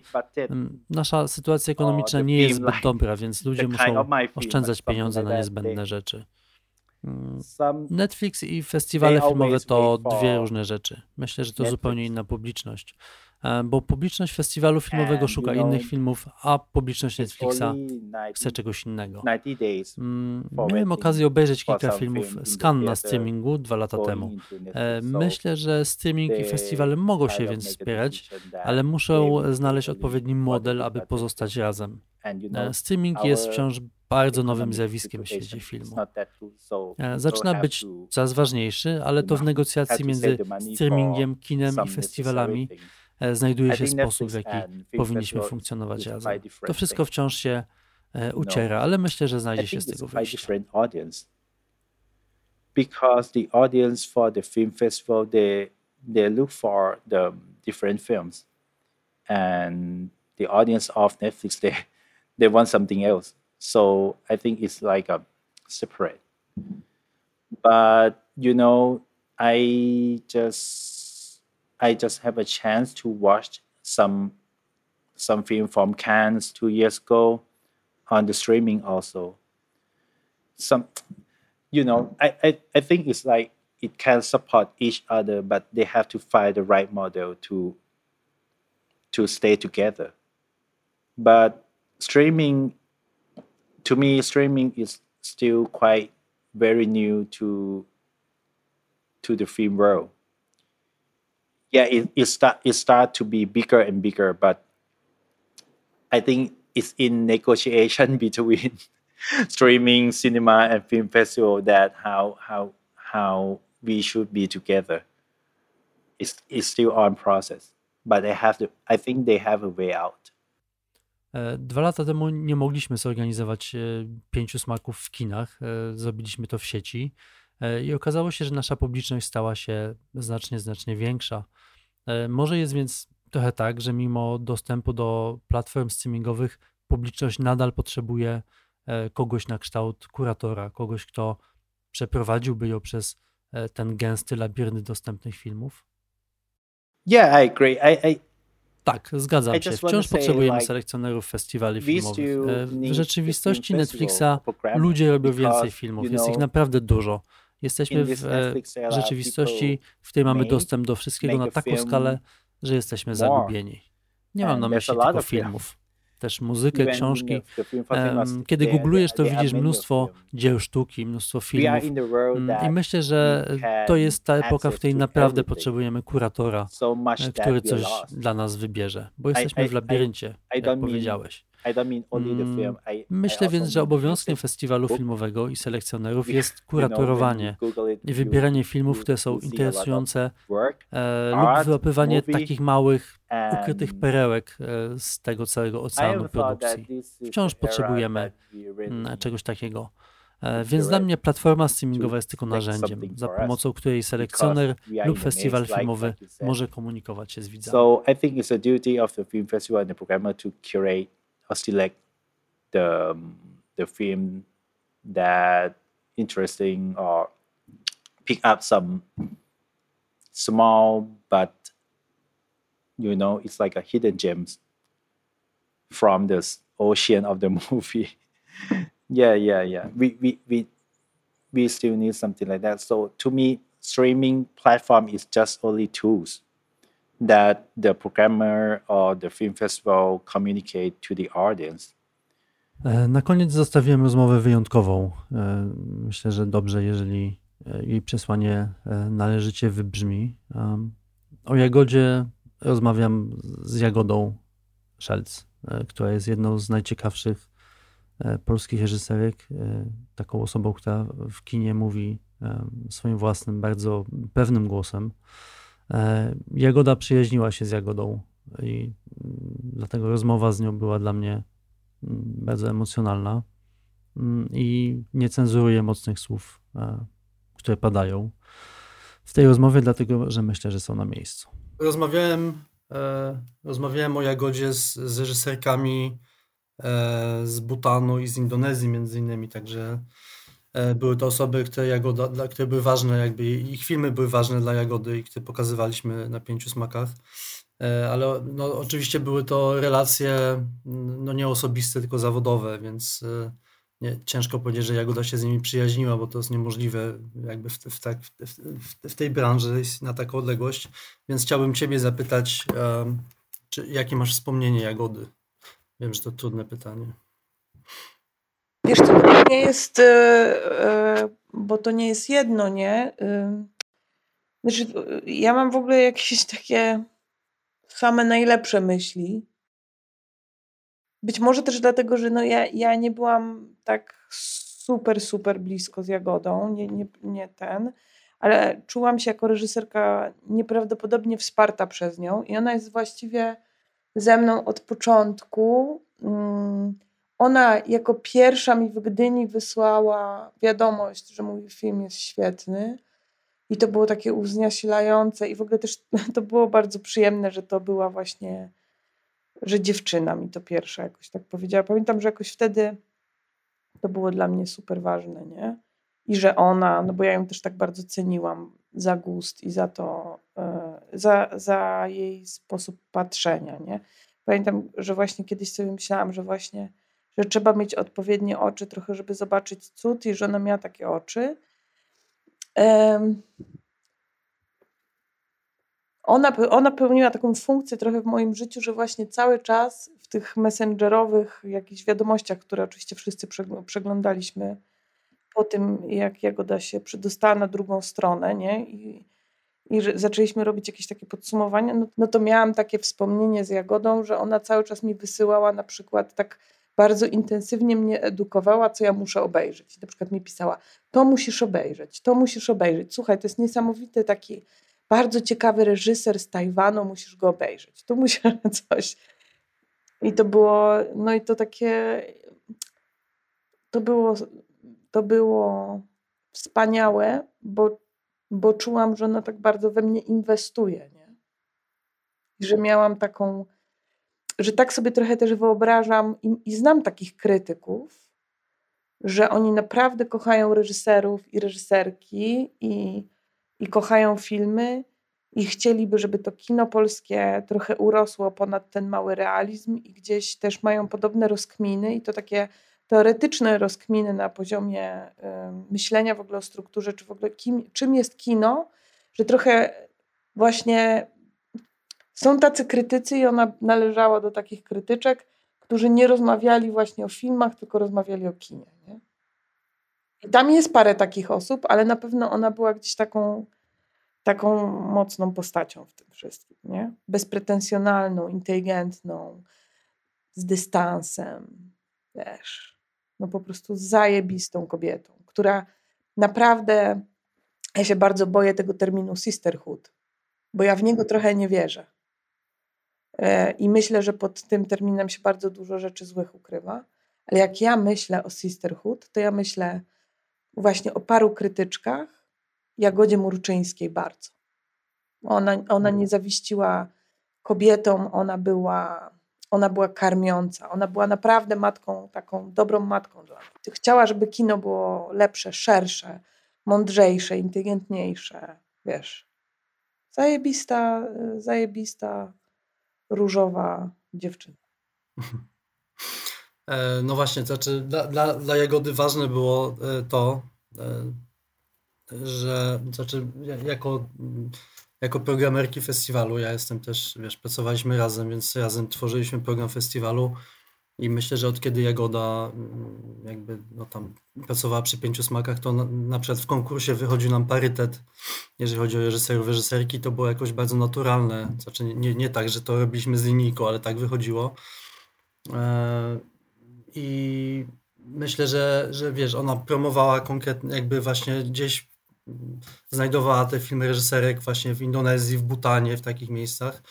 E, I dzięki niej tak naprawdę te reżyserki mogły swoje filmy pokazywać w Polsce. I tutaj chciałbym trochę odwrócić e, sytuację. Czy ty jako reżyserka myślisz, że mówisz, że nie wierzysz w, w to sisterhood, ale też powiedziałeś, że Jagoda jako że to ona pierwsza ci wysłała, wiesz, pozytywną opinię o twoim filmie, czy myślisz, że wsparcie innych kobiet pomogło ci e, w twojej pracy też? I tutaj mówię o producentkach, innych reżyserkach, ale także na przykład, nie wiem, programerkach festiwali gdzieś na świecie. Czy, czy myślisz, że to nie ma znaczenia?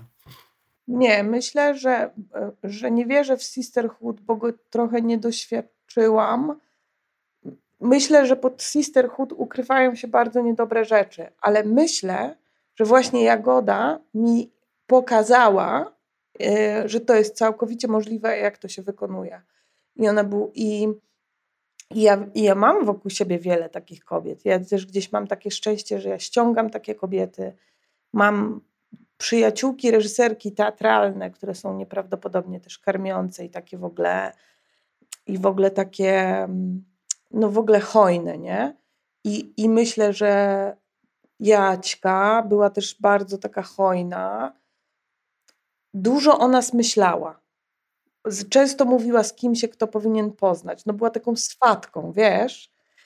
I nie wiem, czy to jest po prostu cecha, którą ja bym przypisała w ogóle kobietom, ale tylko e, raczej chyba miałam to na myśli, żeby powiedzieć, że jeśli ten termin sisterhood gdzieś działał, no to jeśli ktoś mógłby sobie włożyć koszulkę z napisem sister, to była to Jagoda Murczeńska po prostu, a nie włożyłaby tej koszulki, bo gówno by ją to interesowało, bo były ważniejsze sprawy do załatwienia, nie? niż jak gdyby się otagowywać, e, prezentować, czy jak gdyby stwarzać swoją tożsamość. Ona była bardzo specyficzna, bardzo jakaś, nie? bardzo hojna, bardzo spokojna, bardzo dobra. E, I, I tak naprawdę myślę, że jak y, po prostu Jagoda przeszła na drugą stronę, to wszyscy nagle, jak tacy no, idioci trochę, zdaliśmy sobie sprawę z tego, jaka to była nieprawdopodobna obecność. Czego też dowodem było to, co się wydarzyło w Bochni, w której mnie nie było, no ale były tam bliskie moje osoby. I to się czuło, nie? Też. Że ona była tak nieprawdopodobnie karmiąca. I, my, I myślę, że teraz ta fundacja, którą my chcemy rozkręcić, jej imienia i tak dalej, no to właśnie to jest ta energia, którą chcemy z Kubą i z innymi dziewczynami kontynuować. No takiego faktycznie, jak można się hojnie podzielić, nie? No, no właśnie, wczoraj, wczoraj były urodziny Jagody i wczoraj Kuba, e, Kuba Mikurda ogłosił powstanie tej fundacji. Mm, też chciałem Cię o to zapytać, no bo jest to fundacja, jesteś w Radzie Programowej razem z naprawdę wielkimi kobietami polskiego kina. E, jest to fundacja, która jest skierowana, do, ma pomagać reżyserkom początkującym. Czy myślisz, że w ogóle takie rozróżnienie że coś jest skupione tylko na reżyserkach, czy to jest jeszcze potrzebne, czy, czy wiesz, po aferze tu już jesteśmy na takim w ogóle poziomie równości, że, że nie powinno być takiego rozróżnienia. Może. A myśmy przeszli przez tu w filmie, bo ja nie pamiętam czegoś takiego, nie? Znaczy, o, wydaje się, było... że na świecie przeszliśmy, ale to jest, wiesz... Nie, nie, mhm. myślę, że nie, ale to nie chodzi, tu nie ma nic wspólnego z tym, że po prostu trzeba e, jak gdyby no w ogóle w świecie patriarchalnym wspierać działania kobiece, bo po prostu tego jest mniej dlatego że wiesz co, no to, jest, to jest gest, który też nie jest jak gdyby wpisany jak gdyby naturalnie w mężczyzn, tylko po prostu no też kultura to wytworzyła, że się sięga bardziej po filmy mężczyzn, że oni częściej zdają do szkół, bo to, bo tamto, bo sramto i, i trzeba to trochę e, wzmocnić tą drugą stronę. E, być może teraz przez 10 lat, nie? Żeby się coś wyrównało. Wiesz co, ja też trochę nie mam na to łba, bo wydaje mi się, że to muszą zrobić badaczki i badacze. Ja raczej tak myślę, um, um, że ciężej jest kobietom w tym zawodzie w dalszym ciągu w sposób karygodny, nie? I każda pomoc jest dobra. I ja jako dziewczyna mogę wybrać, że ja pomagam po prostu dziewczynom. Nie szkodzę mężczyznom, to sobie będę pomagała dziewczynom nie wiem, jakie są priorytety czy imperatywy wewnętrzne reszty moich koleżanek z tego zespołu, ale jak z Kubą rozmawiałam, no to tak myślałeś, myśleliśmy, myślałyśmy, my z Kubą myślałyśmy, jak z nim rozmawiałam, że właśnie, że to chodzi o to, y, że Murczyńska bardzo e, wierzyła w dobre artystki. Nie po prostu w kobiety, tylko po prostu w bardzo dobre artystki.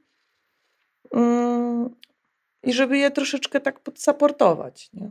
Jakoś tak sobie to prosto chyba dosyć układam.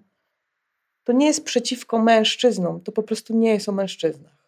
I tak ja tak rozumiem feminizm, że to nie jest nic skierowane przeciwko mężczyznom, to nie jest o tym, że nawet, że czy mężczyźni mają więcej, czy mniej, to jest po prostu tylko o dziewczynach. No. Mhm. Jak, jak sobie wyobrażasz e, co, e, jakby pracę tej fundacji? Co, co chciałabyś osiągnąć ty no ja sobie wyobrażam, mam taką, wiesz, taką fantazję, że mam 75 e, lat i, i jest wokół mnie bardzo dużo różnych kobiet, na przykład tam 54-latek, 34-latek, e, tam 20-parolatek i ja im wszystkim jakoś pomagam, czy my im pomagamy i one tak mówią, że to w ogóle było najlepsze. E, to było, że one kiedyś tam na tej drodze spotkały właśnie nas z tej fundacji, myśmy je tak wsparły, że to było super. I, i wiesz, ja jestem taką starą sztrapcią, starą ropuchą, która tak mówi do tych wszystkich młodych reżyserek, mówi świetnie, bardzo świetnie zaproponowałaś i to było w ogóle świetne i bardzo dobrze i jesteś szalona i idź w to na maksa. No tak sobie to wyobrażam, nie? że jesteśmy tacy już obkurczeni jak rodzynki i, i mamy takie całe pokolenia za sobą, trochę takich wychowanków czy wychowanic właśnie, które tak się nakarmiły z cyca tego. Mhm. No mam nadzieję, że efekty znacznie szybciej zobaczymy. ja już tak długo, dużo do 74 roku życia nie mam. Nie, nie. No tak też yy, kurczę, no, żeby jakoś to życie szybko bardzo mija, niektórym nam właśnie szybciej. Wszyscy w tamtą samą stronę i wszyscy się pewnie gdzieś tam połączymy. To fajnie by było coś tam po drodze dać, nie? Jakoś, jak myślę też o Murczyńskiej, to myślę o tym, że ona miała poczucie czasu, takie w ogóle myślę też prywatne, właśnie bardzo azjatyckie. że się potrafiła zrobić slow cinema w życiu. I trochę nam zostawiła taki slow cinema po sobie. Jeszcze chciałbym Cię właśnie o Azję zapytać, e, bo oprócz tego, że Jagoda... No właśnie, bo ja też kocham Azję tak jak Jagoda. O, też kochasz Azję. No właśnie, no oprócz tego, że Jagoda promowała kino reżyserek, to w ogóle generalnie poświęciła kawał życia na promowanie kina azjatyckiego. I czy myślisz, że e, może nie jesteś, znaczy może ty jesteś wyjątkiem, ale czy myślisz, że to kino e, azjatyckie wśród polskich reżyserów w ogóle w jakiś sposób rezonuje, jest ważne i jakoś się na nim, nie wiem, wzorujemy? Nie, nie mam takiego poczucia. Mam poczucie permanentnego analfabetyzmu, jeżeli chodzi w ogóle o rozpoznawanie e, jak gdyby różnych. No nie, no mówię tak naprawdę, gdyby serio twórców, twórczyń e, pozaeuropejskich czy e, Stanów Zjednoczonych. Mówię też w tym sensie o sobie, chociaż ja akurat z, e, z różnych powodów bardzo lubię azjatyckich twórców i twórczynie. Więc myślę, że to było też dzięki Jagodzie, myślę, bardzo, bardzo super, że właśnie dzięki niej mo można było trochę tych e, w tej smutnej Polsce troszkę jednak liznąć, nie? Tych różnych i w ogóle różnego innego sposobu myślenia o filmie, strukturze, wiesz, że kino jest tak naprawdę dużo ciekawsze niż nam się sprzedaje w Europie i w Stanach Zjednoczonych, bo są różne struktury kulturowe, językowe, stylistyczne, pojęcie czasu, montażu i tak dalej, i tak dalej, nie?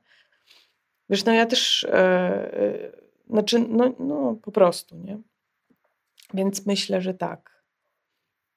Tak bym no tak, tak, no my, my oglądamy, znaczy, tak, no my zajmujemy się kinem azjatyckim, więc oglądamy go więcej tak naprawdę i dla, dla mnie egzotyczne jest kino hollywoodzkie na przykład. Myślę, że Jagoda miała to samo. No. I trochę w swojej bardzo jakiejś szczelnej bańce funkcjonujemy, ale, ale chyba jest trochę tak, że jednak jeżeli chodzi o narrację, to tak jak mówisz, uznaje się, że jest Hollywood i to jest rozrywka i Europa i to jest artystyczne kino i Azja jest po prostu... Nie, no w ogóle teraz to, co się, na co się mówi, że to jest kino arthouse'owe, to się łzy cisną do oczu, nie? Bo nim nie jest, bo jest jakimś... No jest jakaś w ogóle generalnie gdyby problem taki definicyjny, nie? Ale... Więc ona, ona, myślę, że ona była też dlatego taka super ważna dla mnie, nie? Ech, dlatego, że dzięki niej można było, można było, dzięki, ona trochę torowała nam, twórczyniom, drogę do tego, żeby można było robić trochę ciekawsze kino w ogóle, bo po prostu opowiadała widowni, czy edukowała naprawdę ed, e, widownię, że jest trochę coś więcej ciekawszych rzeczy niż tylko melodramaty, nie? jak gdyby z dobrym e, punktem zwrotnym i że są tak naprawdę różne punkty zwrotne. nie? No więc tak. Nie, no słuchaj, może to trzeba na głos wypowiedzieć, że to jest po prostu totalna strata. Nie? Totalna strata. Ta dziewczyna to jest totalna strata. Że jej nie będzie, że ona nie będzie robić różnych rzeczy. Ktoś tam podejmie, coś pociągnie. Nie wiem. No ale jest to, jest to wielka strata dla przyjaciół, dla różnych, dla mnie jako dla twórczyni wielka też, nie? I jakoś to będzie trzeba z tym żyć. No i jakoś tak, jakoś dociągnąć do tej śmierci i szybko się gdzieś spotkać. Dziękuję, że wysłuchaliście mm, tego odcinka podcastu poświęconego e, Jagodzie. Mam nadzieję, że te rozmowy, które przeprowadziłem, E, chociaż trochę przybliżyły Wam e, Jagodę, a także to, czym się zajmowała. Bardzo dziękuję wszystkim osobom, które przyczyniły się do powstania tego podcastu.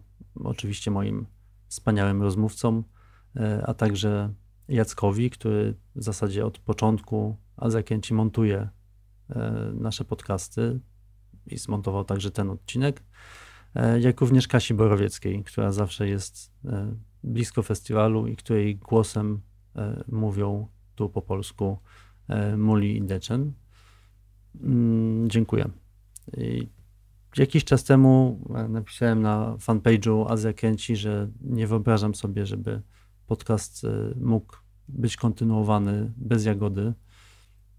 Nadal sobie nie wyobrażam, ale chciałbym powiedzieć, że w zespole pięciu smaków zdecydowaliśmy, że przed tą szesnastą edycją, która będzie dedykowana Jagodzie, przygotujemy cztery specjalne odcinki podcastu E, odcinki, które będą poświęcone kolejnym sekcjom festiwalu. E, myślę, że to ważne, żeby cały czas poszerzać konteksty e, tych filmów, które będziemy pokazywać. Zdecydowanie jest o czym mówić. Nie będę mówić tylko ja, będą ze mną wspaniałe specjalistki i specjaliści od kina azjatyckiego. I pierwszy odcinek pojawi się już w sierpniu i będzie poświęcony mm, twórczości e, tajwańskiego mistrza Edwarda Younga. Także zapraszam do słuchania i dziękuję.